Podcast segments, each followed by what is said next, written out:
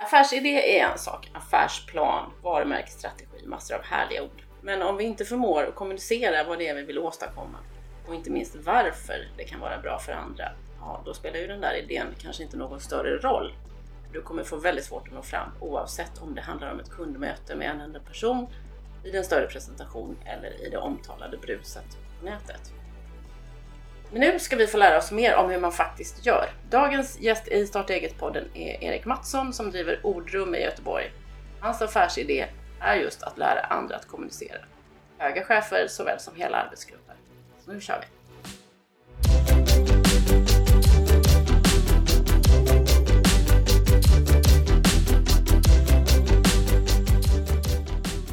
Hej och välkommen till Starta eget-podden med mig Jasmine Bayramoglu och välkommen Erik Mattsson. Tack så mycket. Eller snarare tack för att jag fick komma hem till dig. Mm, ja. ja, du är så välkommen. Ja. Du, jag satt och läste på din hemsida, ordrum.se, och nu ska jag läsa lite till här tänkte jag. Eh, Erik Mattsson är VD och grundade Ordrum 1996. Han är verksam som föreläsare, moderator och utbildare i kommunikation. Erik är fil. kand. i statskunskap men har också läst matematik, ekonomisk historia, fysik. Mm. Ja, och så fortsätter lite där, men då, här då så stannar ju mitt huvud och så tänker jag så här.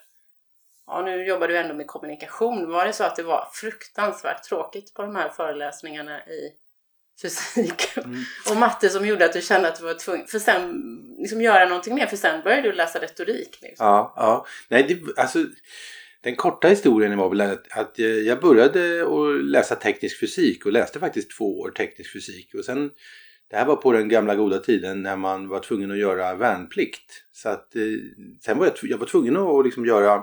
Tvungen att göra, Jag var tvungen att bryta studierna. Jag fick inte uppskov som det hette på den tiden. Eh, och sen under mitt år som eh, värnpliktig, jag gjorde vapenfri tjänst, så jobbade jag som ordförande för Sveriges vapenfria och blev dessutom eh, och sen jobbade jag inom Röda Korset där jag hade liksom min, min placering som vapenfri. Och det här ledde till en massa nya erfarenheter och också en nyfikenhet på politiska processer och sådär. Så jag, blev, jag, jag kände så här, men innan jag fortsätter med den tekniska fysiken så måste jag nog ändå läsa lite statskunskap. Så att jag förstår mer om hur samhället fungerar.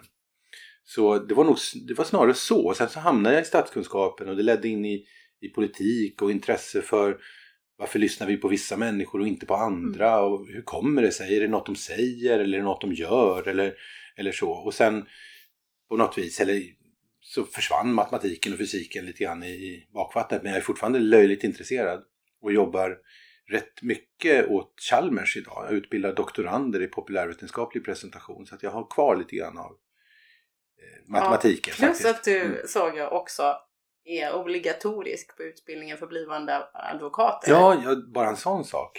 Alltså, då, de kan inte ens välja bort mig. Nej, de kan inte ens välja bort det.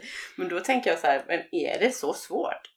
Alltså någonstans där med kommunikation. Så att man måste lägga in kommunikation som ett obligatorium på en sån utbildning. Så är vi så dåliga på att kommunicera?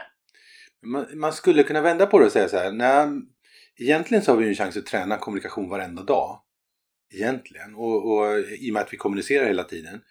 Men jag tror väl ändå att vi... Det här är ju ett färdighetsämne man måste träna för att bli bra och man måste få feedback för att bli bra. Så det finns ju egentligen ingen, alltså du blir aldrig klar. Att, att tänka att ja, men jag är färdig som kommunikatör, jag är tillräcklig, eller jag är, jag är klar. Liksom. Ja, men det, det finns inte, du kan alltid utveckla det ytterligare. Och problemet med mycket av den högre utbildningen och med mycket av vårt liksom, samhälle idag är väl att vi tränar väldigt mycket på vad vi ska säga och liksom, vi är ganska duktiga på att skriva och formulera oss så. Men vi är inte särskilt tränade på hur vi ska säga det. Hur använder man sin röst? Hur använder man sin kropp? Hur, ja, hur interagerar man med den andra? Och det är väl de bitarna som jag är ofta inblandad i. Att träna. Att träna. Och då, då kan du ha sådana här... Jag såg något klipp med dig på din hemsida där. Mm. När du berättade att du kan då ta en hel Eh, ska man säga, en, en, en salong, som teatersalong låter mm, det som. Där mm. du sätter dig som ensam åskådare och så bara skickar upp den här människan. Just det. Ja men så kan det vara. Och det är ju ofta när det handlar om eh, höga chefer. Det kan vara VD, det kan till och med vara en annan börsbolags VD. De är ju ganska vana vid vid att presentera och så vidare. Och då, för att det ska bli bra övning så måste jag försätta dem i lite obehag mm. så att det ändå känns lite grann som i verkligheten. Och det är därför jag då ibland ser till att vi är i en alldeles för stor lokal så att de ändå får en slags känsla av att där sitter 500 personer. För då blir det på riktigt. Om vi träffas i ett litet konferensrum och ska träna där då blir de liksom för avslappnade och det blir alldeles för mycket ett litet samtal. Och ska vi träna presentationsteknik, då fungerar inte det. Vi ska inte träna samtalsmetodik. Du, du kapar liksom inte någon annans föreläsning och slänger in något nej, på nej, nej. nej, men ibland nej. så det är ju det där att man i Ordrum så jobbar vi ju så verklighetsnära som möjligt. Så att, att försöka träna riktiga situationer så riktigt som möjligt. Mm. Det ger ju bäst effekt. För att sitta och prata om hur man borde göra eller hur man borde kommunicera. Då, då sitter ju alla och nickar och säger absolut, absolut. Jag förstår precis vad du säger. Ja, ja, oj, oj, oj. Det är, ja, ja, ja. Men det är ju först när jag säger okej, okay, ja men det är bra att du har förstått. Låt oss testa. Upp på golvet. Då kan ju samma person bli så här, ja men nu, jag, jag har inte förberett mig. Alltså det var inte det. Jaha, ja, men jag har inga powerpoint-bilder. Så att det är någonting märkligt i och, och, kanske någonting väldigt bekvämt också i att sitta och prata om hur man ska göra. Men sen att göra det, det är en annan sak. Och det är det som är utmaningen. För jag tänker att den här rädslan för att liksom gå upp eller inför någon sådär. Det kan, ju, det kan ju räcka med ett mingel så kan ju folk tycka att ja. nej, jag tycker det är fruktansvärt. Jag ska prata med människor som jag inte känner eller liksom man ska säga ja. någonting smart eller sådär. Och när man då tänker starta eget-podden då är ju egentligen mycket vänt till då de som precis har startat eller mm, som är i startfasen. Mm. Och där kan det ju handla om, det kan, dels kan det ju handla om att mingla eller köra sin hisspitch för fem ja, miljarder ja. människor och sådär. Eh, eller så kan det handla om att man kanske möter ett gäng investerare eller, mm, eller då mm. förstås då som man ändå hoppas att det ska vara tilltänkta kunder. Och sådär. Mm, mm. Så frågan är liksom hur man, hur man gör. Mm. Man, man, pratar ju om att man bara har en chans att göra ett först, första gott intryck. Ja, liksom. ja. Hur Även lyckas om, man med det? Jag tänker till att börja med att det där med att man bara har en chans, det låter så... Det är klart att, eh, att, att det är bra att eh, att kommunicera väl men jag tror att man kan få flera chanser. För risken är ju, många av oss blir så, vi får sån oerhörd prestationsångest och jag tror att det är det som också ställer till det lite grann för oss. Många, många människor är ju väldigt rädda för att ställa sig upp och presentera någonting för en grupp människor till exempel. Att det, det finns ju studier på det där där man visar att ja, men, den ångest som människor känner för att presentera saker och ting inför andra den är ju nästan lika stor som ångesten för att dö. Att det, är liksom, det, är allvar, det är allvarliga saker det här. Och, och, så tycks det vara nästan oavsett vad man, vilka man frågar på, på det här jordklotet i alla fall. Till och med amerikaner som vi brukar säga, men de är så härliga, de kan det där. Ja men de har samma, de har samma rädsla. Men de är mer tränade på det. Jag gick ju high school ett år i USA. Där fick vi ju, eller nu fick man ju välja. Ja. Men jag hade ju speech där ja. som ett ämne. Tänk så bra. Det var skitjobbigt. Ja. Ja men skitjobbigt men väldigt bra, eller hur? Ja, jag har inte använt det så mycket. ja, du sitter ju här och pratar med mig till exempel. Ja, men, men, men jag tror att det här, eh, alltså det är ju egentligen inte, en av de mest irriterande myterna som jag stöter på det är ju när folk säger ja ja men det är ju lätt för dig att göra det här för det, det, det liksom kommer ju naturligt för dig. Du verkar ha rätt mm. personlighetsprofil. Du är, är ju sådär eh, extrovert och härlig. Och då säger jag, men du det handlar ingenting om personlighetsprofil det här, eller i alla fall ytterst lite. Det handlar om träning. De som vågar utsätta sig och så testa och testa igen och testa igen. De kommer till slut, om de har lite rådgivare runt omkring sig, att bli jättebra. Och de kommer ganska snart att segla förbi de där som, som bara litar på sin talang och tänker jag står här och är sådär härlig, det går mm. säkert bra. Eh, för det har jag sett så många exempel på. Just personer som i, när jag jobbar med längre kurser, till exempel doktorandkursen på, på Chalmers, så kommer det ibland fram personer till mig och säger jag är, jag, det här kommer bli väldigt svårt för mig, jag är, jag är så blyg och jag är introvert och sådär, jag vill bara att du ska veta det. Och så säger jag, men eh, jättebra att du säger det, men, men eh, då vet jag att den här kursen kommer gå jättebra för dig, för du kommer att jobba hårt, eller hur?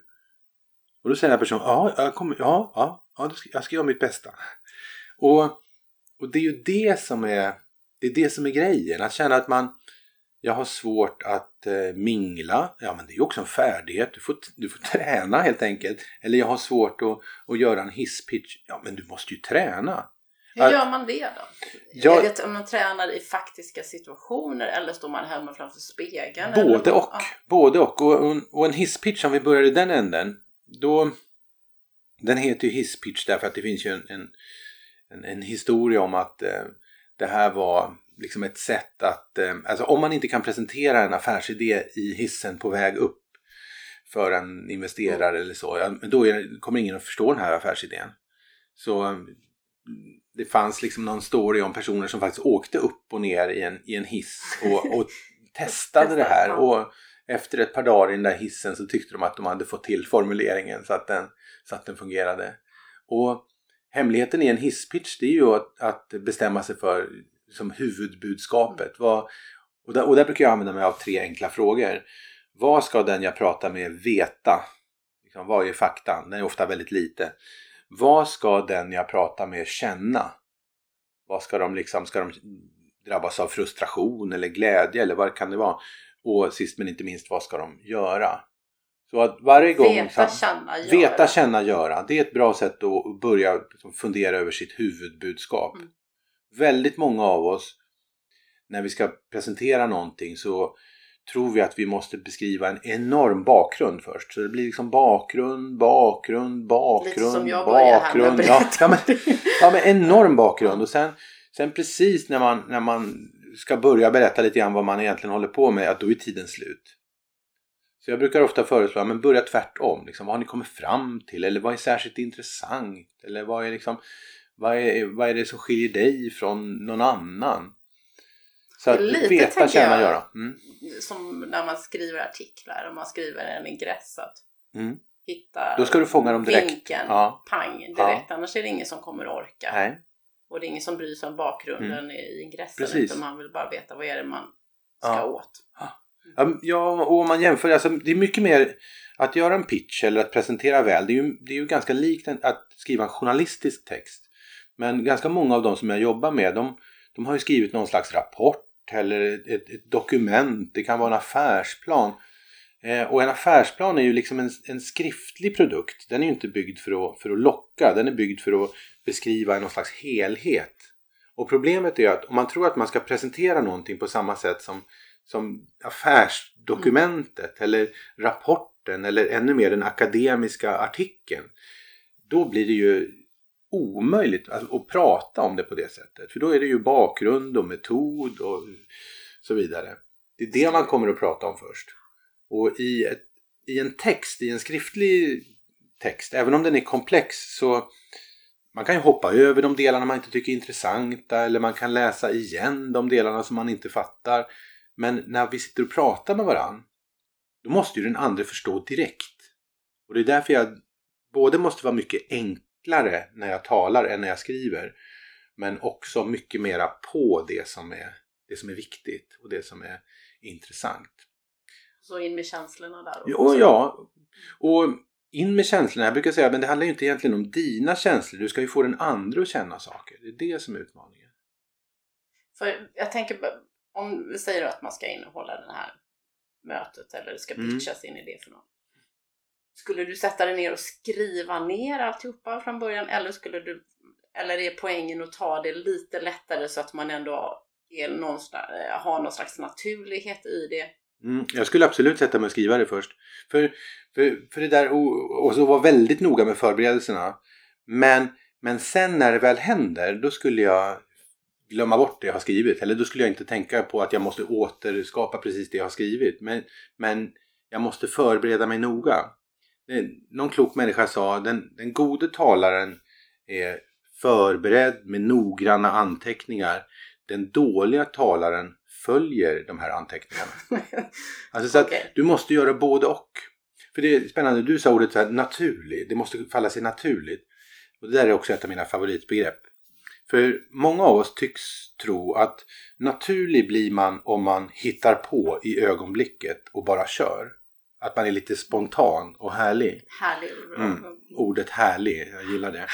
Eh, men problemet är att om man inte förbereder sig och bara är spontan så en gång av tio kanske det funkar, men nio gånger av tio kommer det inte funka. Utan för att bli sådär spontan, då måste man vara väl förberedd. Om vi tittar på proffsen till exempel, om man tittar på skådespelare eller musiker eller personer som jobbar på en scen som är vana att stå framför folk. Så får man komma ihåg att 90% eller så, kanske mer, av deras arbetstid handlar om repetition. Det är då de ska nöta in det här. Och sen när de väl står där på scenen framför publik, ja då försätter de sig i en situation eller i en känsla av att, att de inte längre minns att de kan sitt manus. Man går in och så, och det är det som är, är deras yrkesskicklighet. Att få den där repliken och födas som om de inte hade lärt sig den.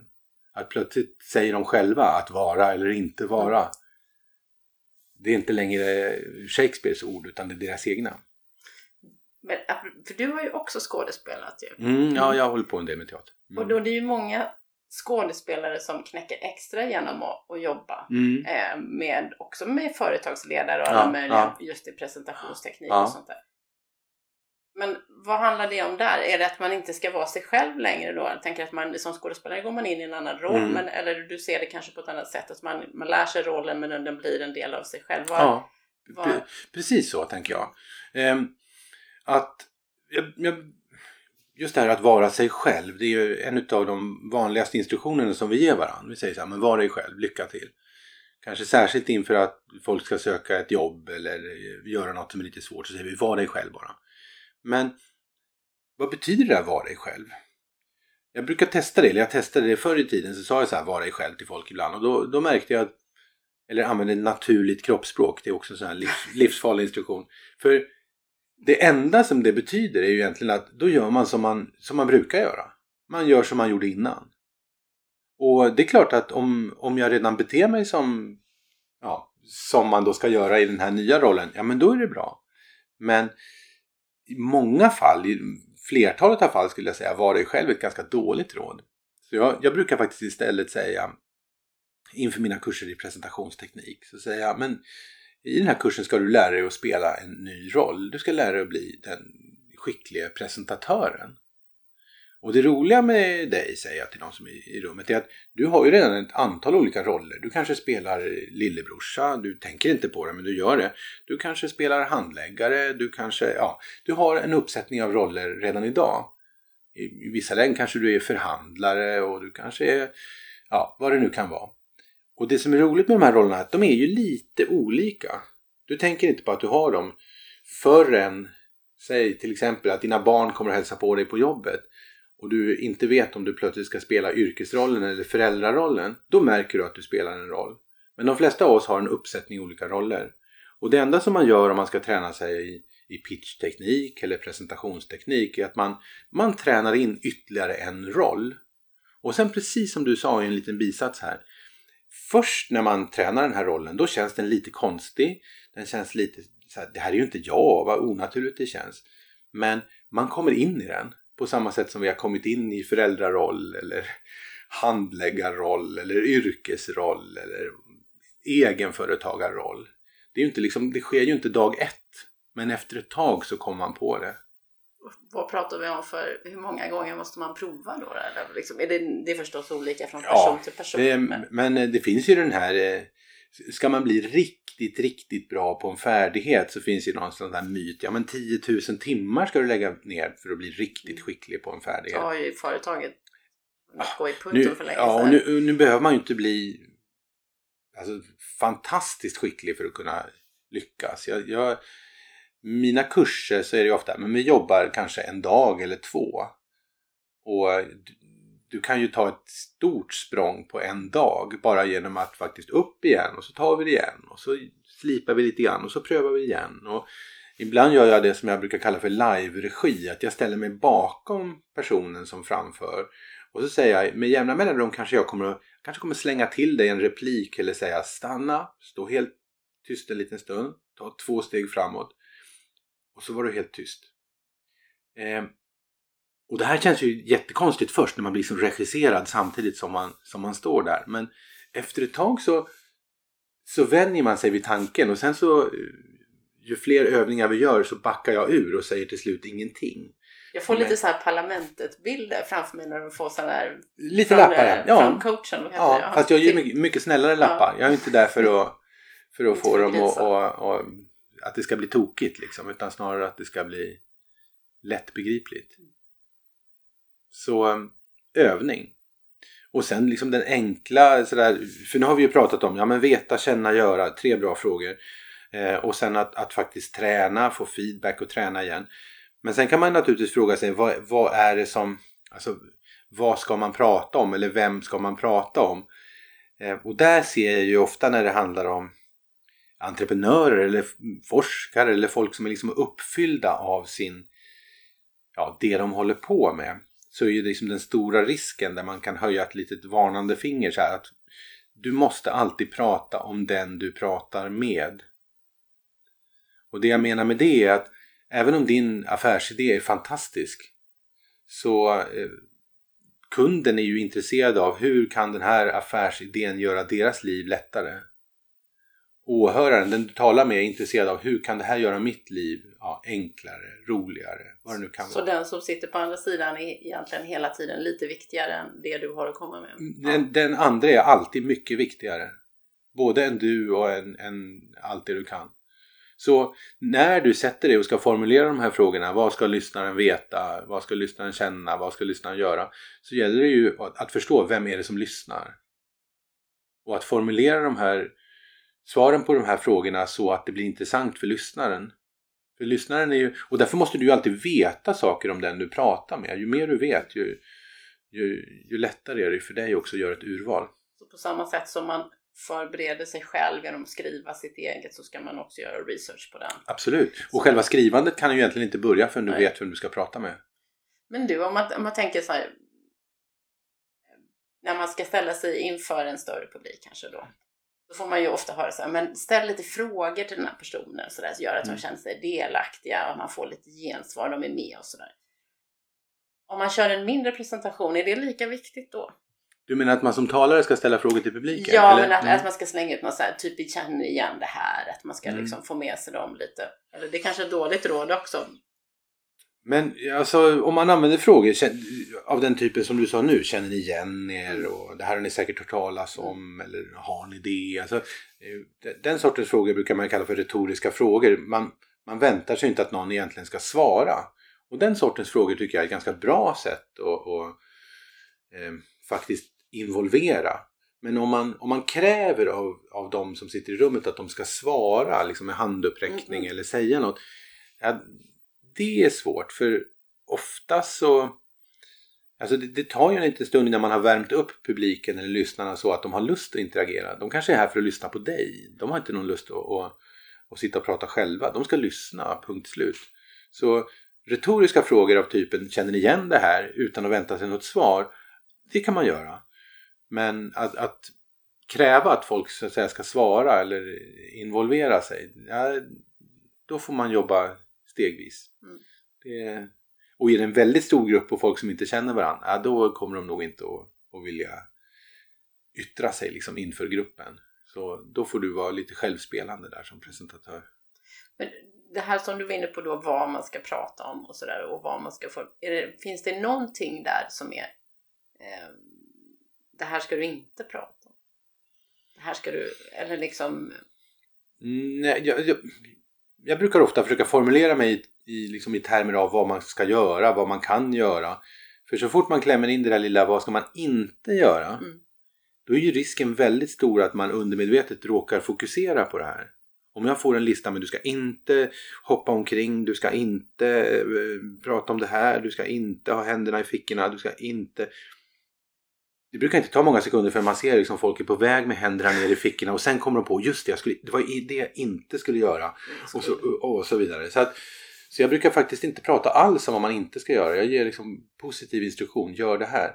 Men, men om man nu när vi sitter här och liksom förbereder och tittar liksom på från sidan så är det ju faktiskt två saker hittills som vi har sagt som man inte ska göra och det är väl det här att eh, prata väldigt mycket om bakgrund eh, och försöka presentera allt om allt. Liksom hela sin idé och alla de fantastiska detaljerna.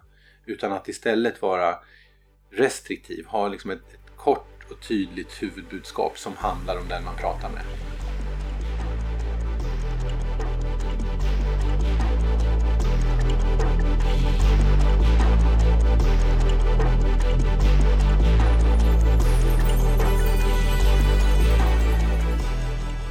Nu en fråga till dig som lyssnar på podden. Hur gör du när du vill träffa andra företagare?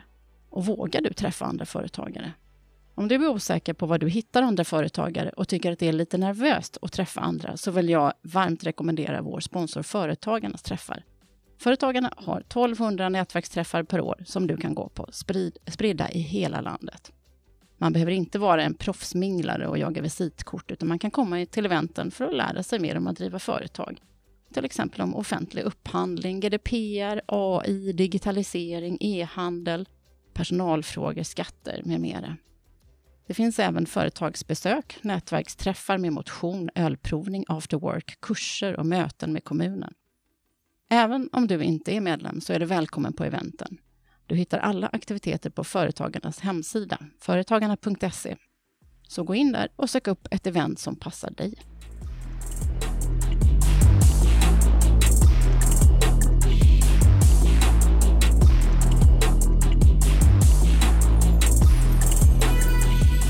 Just den där, jag tänkte på, jag träffade en investerare som heter Jane Walerud och hon sa just, hon investerar ju mycket i techbolag. Mm. Hon sa det då apropå ingenjörer då som hon träffade om massor av ingenjörer och så, de, ju, de kan ju ha kommit på fantastiska saker. Mm. Eh, och man känner att det här är skitbra.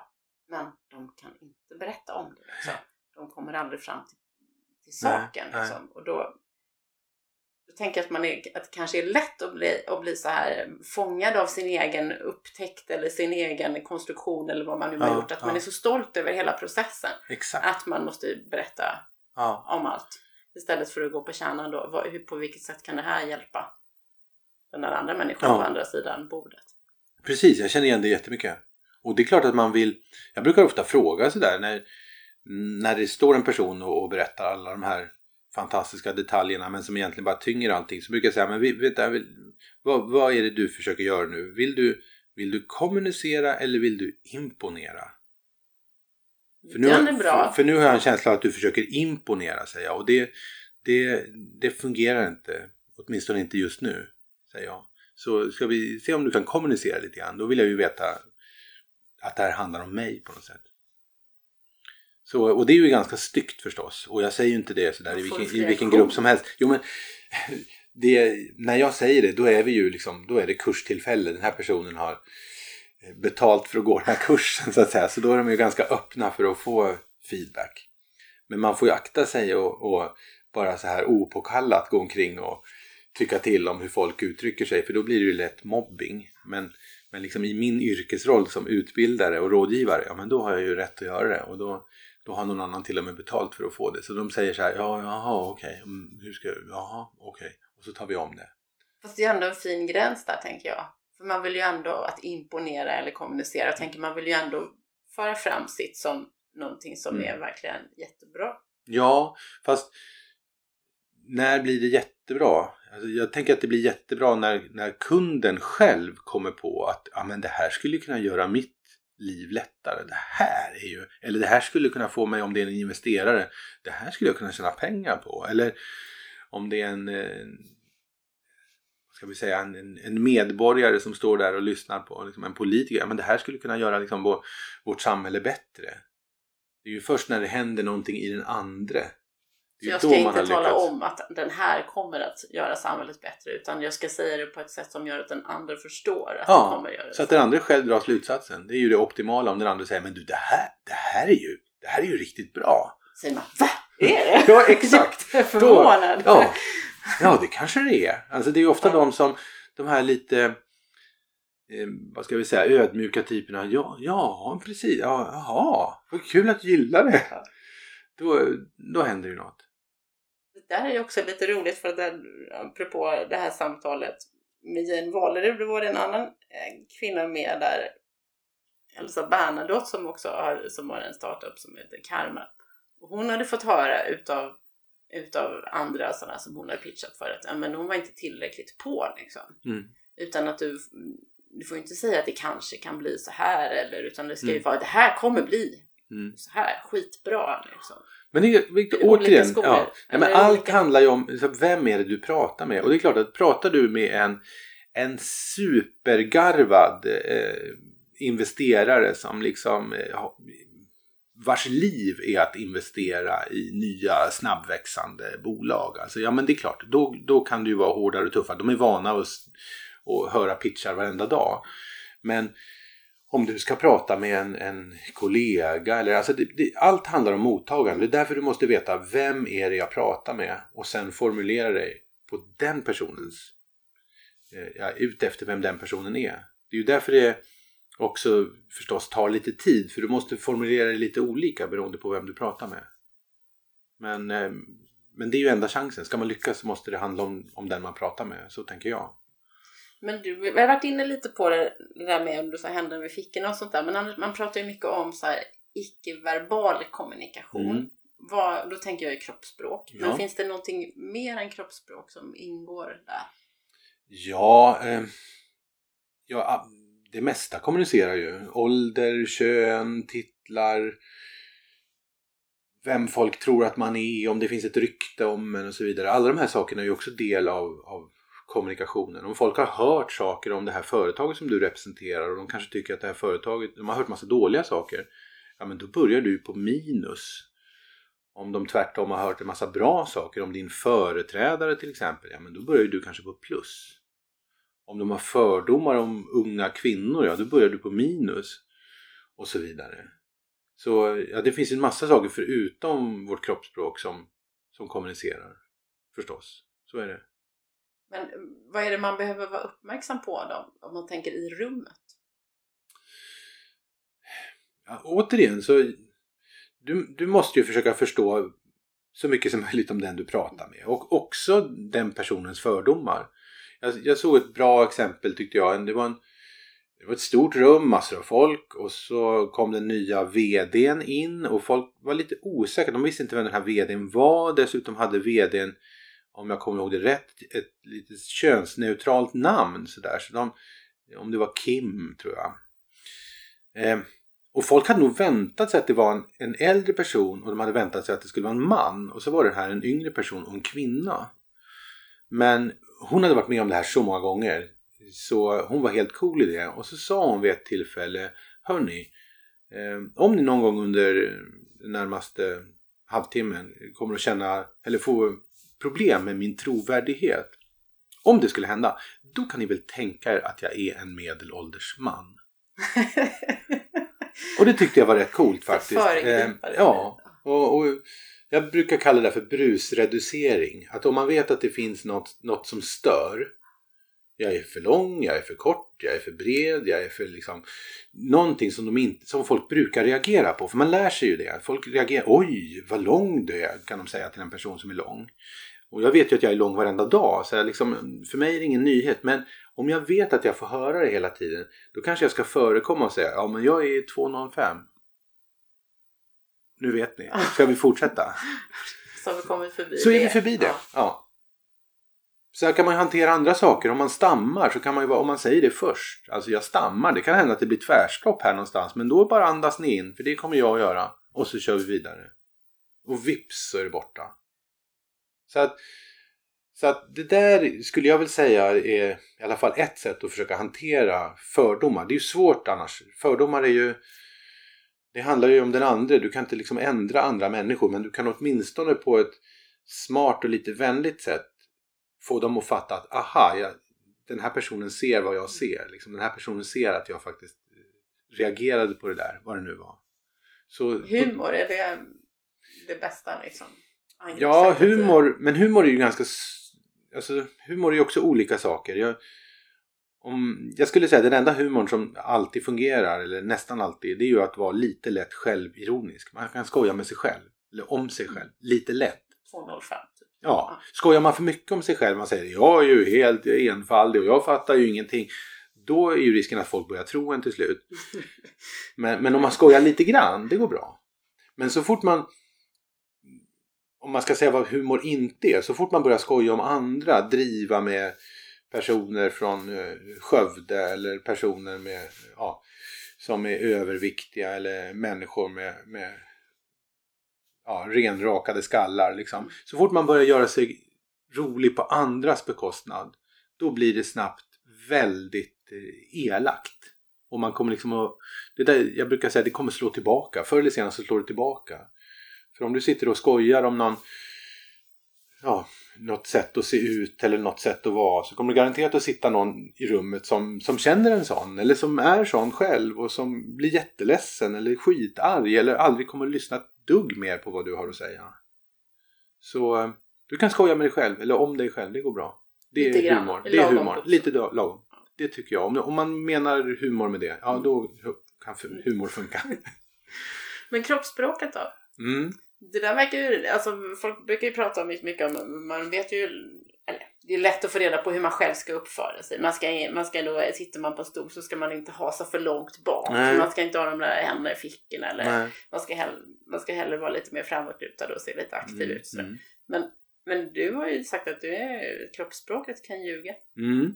Ja, och det, det där är lite roligt. För jag brukar säga kroppsspråket ljuger och med det menar jag det är inte säkert att det man känner syns. Man kan se trött ut fast man är pigg. Man kan se pigg ut fast man är trött. Till exempel. Men kroppsspråket talar ju väldigt starkt. Det, och det av det enkla skälet att det sitter på utsidan. Det är svårt att se insidan på folk men, men utsidan syns. Ser jag väldigt trött ut då är risken att folk tror att jag är väldigt trött. Och som vi sa nyss då, kroppsspråket ljuger. Det är inte säkert att jag är väldigt trött fast folk tror att jag är väldigt trött. Vad gör jag då? Ja, du måste ju faktiskt därför att väldigt många här på den här planeten inte vet att kroppsspråket ljuger. Väldigt många tror att kroppsspråket talar sanning. Och just därför så måste du faktiskt ha lite koll på ditt eget beteende. Du måste faktiskt veta att ja, men jag har en tendens att se lite arg ut. Om du vet att ja, men jag har en tendens att se lite arg ut, ja, då får du antingen ändra på ditt beteende lite grann och faktiskt träna dig på att se lite snällare ut. Eller så får du åtminstone informera dem du pratar med. Så får du säga, jag, jag vet att jag ser lite arg ut när jag tänker. Eh, bara, bara så ni vet. Jag, är- jag är snäll, men jag tänker. Därför ser jag ut så här. Så antingen medvetandegöra de andra att jag, jag vet, jag ser vad ni ser. Eller också jobba med sitt beteende. Hur blir man medveten om, jag tänker, om jag är omedveten om det, hur blir jag medveten om det? Jag måste be om feedback. Jag måste be om återkoppling. Jag måste faktiskt träna. Och vi, vi har byggt en liten, en liten enkel, ett litet enkelt verktyg som vi kallar för uppfattas.se. Eller det ligger på uppfattas.se som är en, eh, ett litet enkelt verktyg där man kan få återkoppling på tre olika roller. För, för oss är det viktigt att inte bara få någon sån där allmän så här, hur uppfattas jag? Det går inte att svara på den frågan. Utan hur uppfattas jag i chefsrollen eller hur uppfattas jag som presentatör eller hur uppfattas jag som mötesledare? Ja, det går att prata om.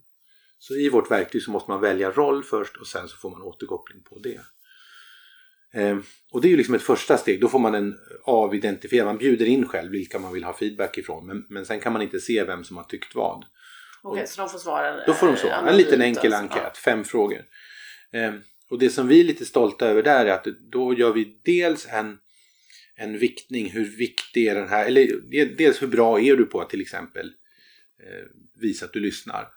Och sen får man också svara på frågan hur viktigt är det att visa att man lyssnar? Så vi, man kan liksom både prata om hur tycker man att den här rollen ska vara, presentatörsrollen till exempel, hur ska den se ut? Men också hur bra är du i den här rollen? Och sen får man göra en liten självskattning också så då kan man jämföra sin egen bild av hur man tycker att det ska vara och hur väl man tycker att man själv lever upp till det här med hur andra tycker att det ska vara och hur de tycker att man lever upp till det där.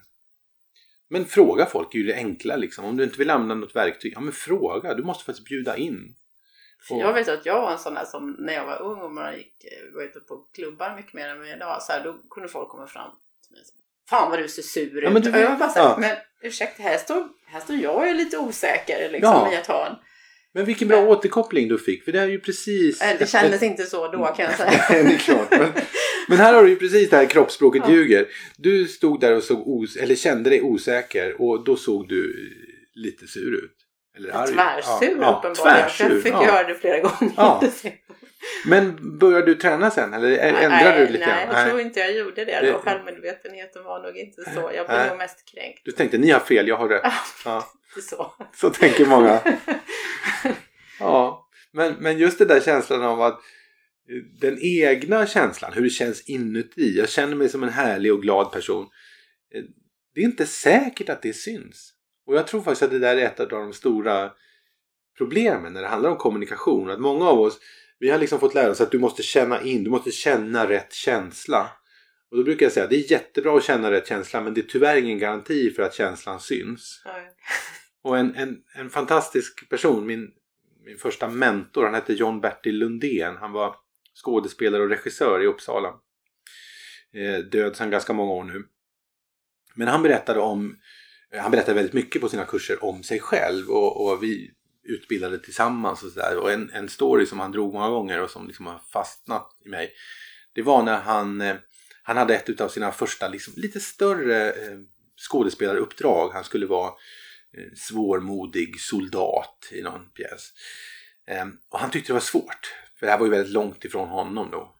En, en advokatson från Uppsala så skulle han vara svårmodig soldat. Ja, det var svårt.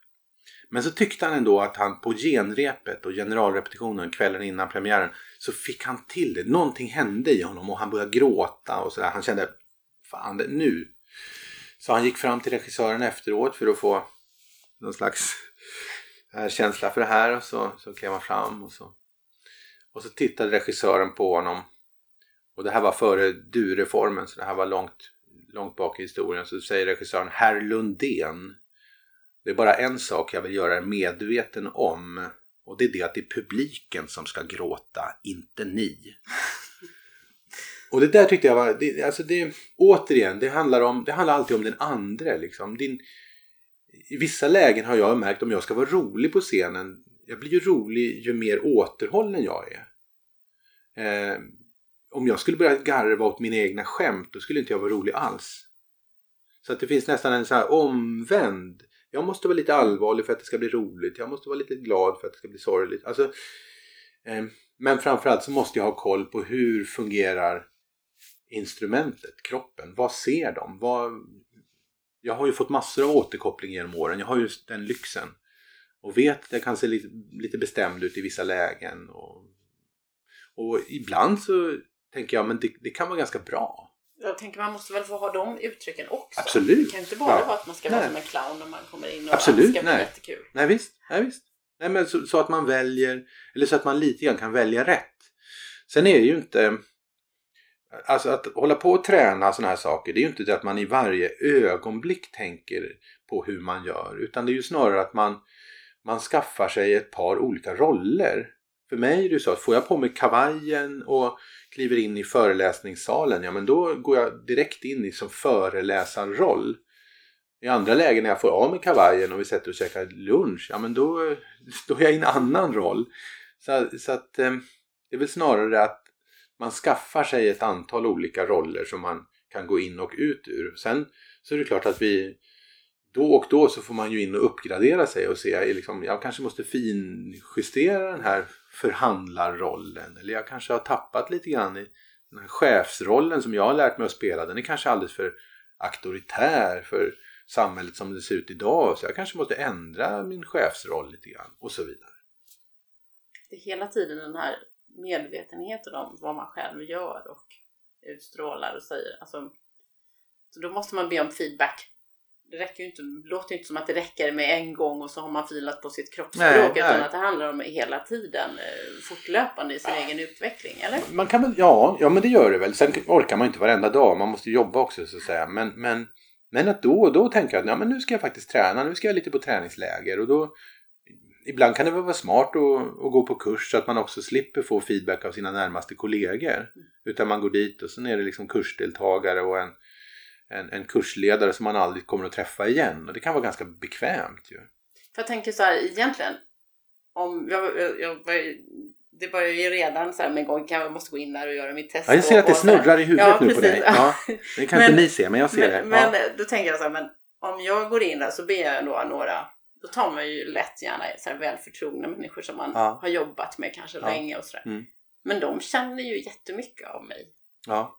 Är det, är det bäst att få feedback från dem? Egentligen borde man väl få feedback från människor som bara har sett en lite grann, eller? Jag tycker det, ja, jag håller med. Jag tycker det är bättre att få feedback från människor som inte känner en. För de som känner en väldigt väl, de har ju vant sig vid dig. Ja, precis. Så de ser ju egentligen ingenting. Och de har ju sett när jag har kommit och bölat på jobbet Ja. eller när jag har suttit och asgarvat. De har ju sett alla Absolut. sidorna. Nej, och de tänker så här, men hon är, vi känner ju henne, hon menar egentligen inte så här hårt som hon sa. För det, känner, det vet ju vi. Eller hon menar egentligen mycket allvarligt, hon skojar bort det nu men vi känner henne så hon menar att det här är, vi vet att hon menar allvar nu. Människor som inte känner det, de kanske säger nej men hon får stå glad ut så det var nog inte viktigt. Så, så vill man få liksom den här oför, vad ska vi säga, oförstörda feedbacken då är det ganska bra att få den av människor som inte känner den. Men- du, om man då vänder fokus från mig själv då Mm. till de här som jag pratar med. Ja. De utstrålar ju också ett kroppsspråk då. Mm. Ja. Vad är det jag ska söka efter där för att se om de är intresserade av det jag säger eller inte? Mitt enkla svar är att du kan inte se särskilt mycket. Det var ju deppigt. Ja. Du kan, alltså, jag menar allvar när jag säger att kroppsspråket ljuger. Och särskilt när du, när du tittar ut över en, en publik, en grupp människor. De kan se arga ut, de kan se glada ut. Det beror rätt mycket på hur de förväntas bete sig i den här gruppen som de är en del av.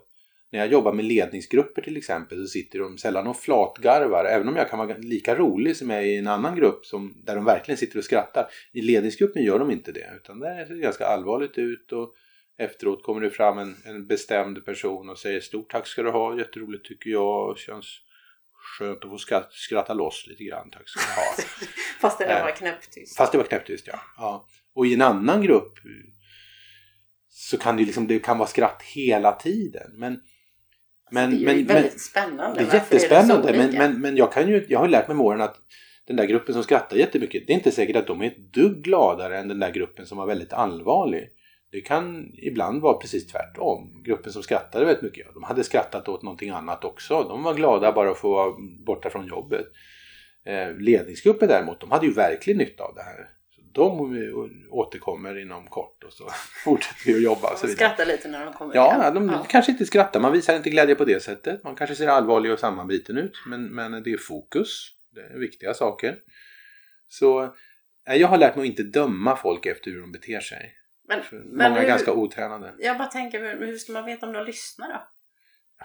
Ja, du kan ju inte veta kan inte det. veta det. Du kan inte veta det. Jag tänkte om man skulle här, säga något lite käckt att ja, ni ser ju väldigt uttråkade ut. Ja, det, då är ju risken att du kränker dem och att de verkligen blir inte bara uttråkade utan sura och slutar lyssna. Så jag brukar själv aldrig göra det här. Hörni, okej, välkomna, är ni med? Och så ska folk skrika. Jag gör aldrig så. Jag tycker det, det är tramsigt på något sätt. Eller det blir så här. Ja, vi är med, men vi vill inte skrika. Vi är med i alla fall. Kan jag säga då. För att jag har varit moderator en gång när vi körde Driv eget-dagar Ja, för några ja. år sedan. Eh, och det var första jag var jättenervös och fick Mm. betablockerare Mm. av någon kompis och sådär. Och, Ja. och så kände jag så här. Du var, du var inte så tränad på den här rollen helt var enkelt. verkligen Nej, inte nej. tränade. Um, fast jag gjorde en bra sak tyckte jag ändå. Ja. För vi tog min närmsta kollega och så gick vi in i bara så här omklädningsrummet där och så satt jag bara och drog allt jag skulle säga Ja. för henne bara för att få säga det högt. För någon annan, inte bara för mig själv liksom. Mm. Och då kändes det, då lugnade jag ner mig. Ja. Skitsamma. Sen kommer i alla fall en av de talarna då upp på scenen och han kör ju den här. Kom igen nu då! Och, så här ska det gå till! Och, Ja. och sen kände jag så här, oj, de verkar ju jätteglada där ute plötsligt. Ja, och så har ja. jag gjort helt fel då Mm. som körde en helt annan stil. Och, man behöver inte vara sådär hej och hå för att det är nej. många i salen helt enkelt. Nej, Nej jag, jag, återigen så är det klart att man det beror på vad det är för grupp.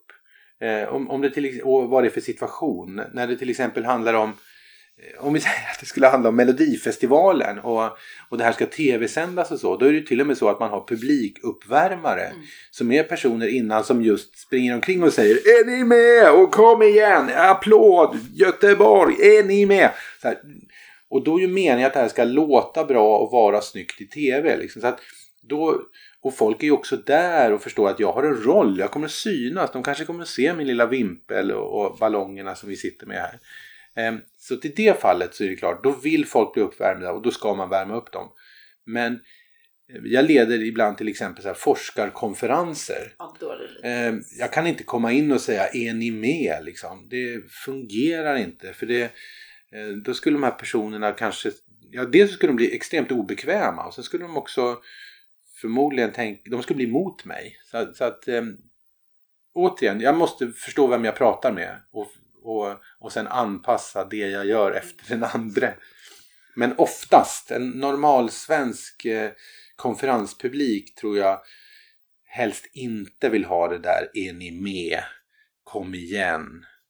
Och särskilt inte få höra att det där var ju lite dåligt. Kom igen, ta i lite grann. Och sen kanske en tredje gång, det där var fortfarande dåligt. Kom igen, ta i nu då. Från... Fast det är ju jättevanligt. Ja, ja.